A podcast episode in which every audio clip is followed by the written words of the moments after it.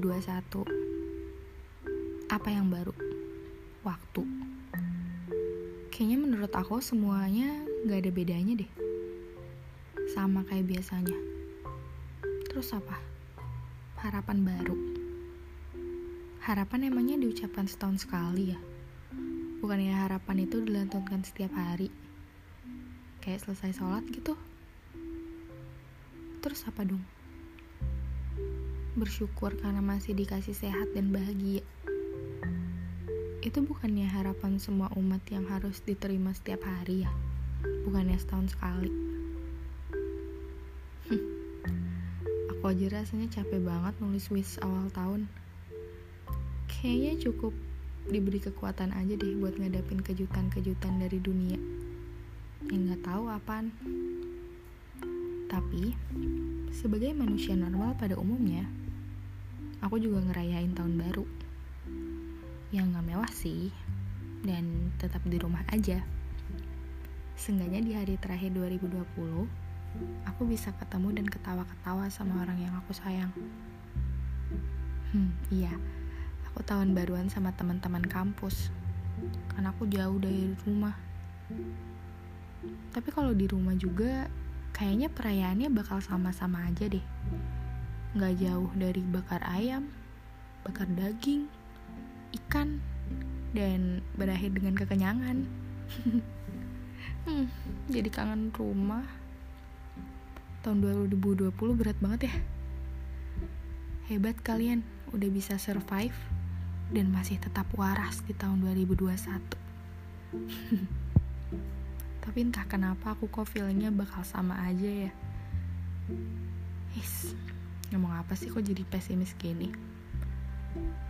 Tahun 2020 kita udah ngerasain banyak banget kehilangan.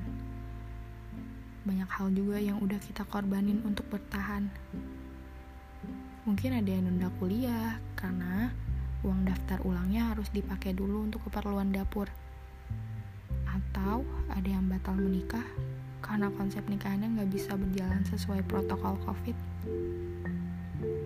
Siapa sih yang bisa nyangka bahwa dunia bisa se-chaos ini karena hal kecil doang? Ya nggak doang sih. Mungkin aku ralat. Dunia bisa se-chaos ini karena hal kecil yang superior. Biasanya kan kita waspadanya terhadap hal besar ya, kayak gunung yang bisa meletus kapan aja, atau nuklir yang bisa diledakin tiba-tiba. Eh ini siapa yang kira bakal diserang oleh makhluk kecil yang bahkan kita nggak bisa lihat pakai mata. Tapi emang sih hal-hal kecil tuh sejatinya nggak kecil. Kayaknya dari semua kesedihan 2020 nih ya rasanya nggak bakalan habis deh kalau diceritain semuanya. Ini juga podcastnya kayaknya nggak bakal selesai malam ini tapi dari semua kisah kelamnya, kalian juga harus selalu bersyukur. Karena hal-hal baik itu selalu punya tempat untuk pulang. Ada yang pernah bilang ke aku, katanya, dalam fase paling terpuruk pun, sebenarnya di situ ada hal baik yang datang. Cuman, saat itu tuh mata kita lagi nggak bisa lihat. Karena kalau sedih, biasanya mata udah kayak mata kuda. Yang ngelihatnya tuh cuman ke depan fokus ke hal-hal buruk dan kegagalan doang. Makanya kita butuh orang lain untuk menguatkan. Butuh orang lain buat bikin kita sadar.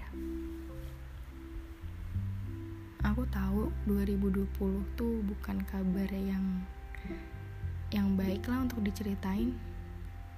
Punya hal-hal gak enak tapi tumbuh adalah imbalan yang mungkin untuk kalian tumbuh adalah hadiah terindah karena kalian udah berhasil ngelewatin semua rintangannya. Kalian tumbuh jadi lebih kuat jadi orang yang lebih baik dari sebelumnya. Itu hadiah yang udah cukup. Berjuang lagi ya jangan capek 2021 masih dimulai. Kejutannya juga sebentar lagi akan datang. Entah baik, entah bukan. Semoga jadi pelajaran yang bisa mendewasakan.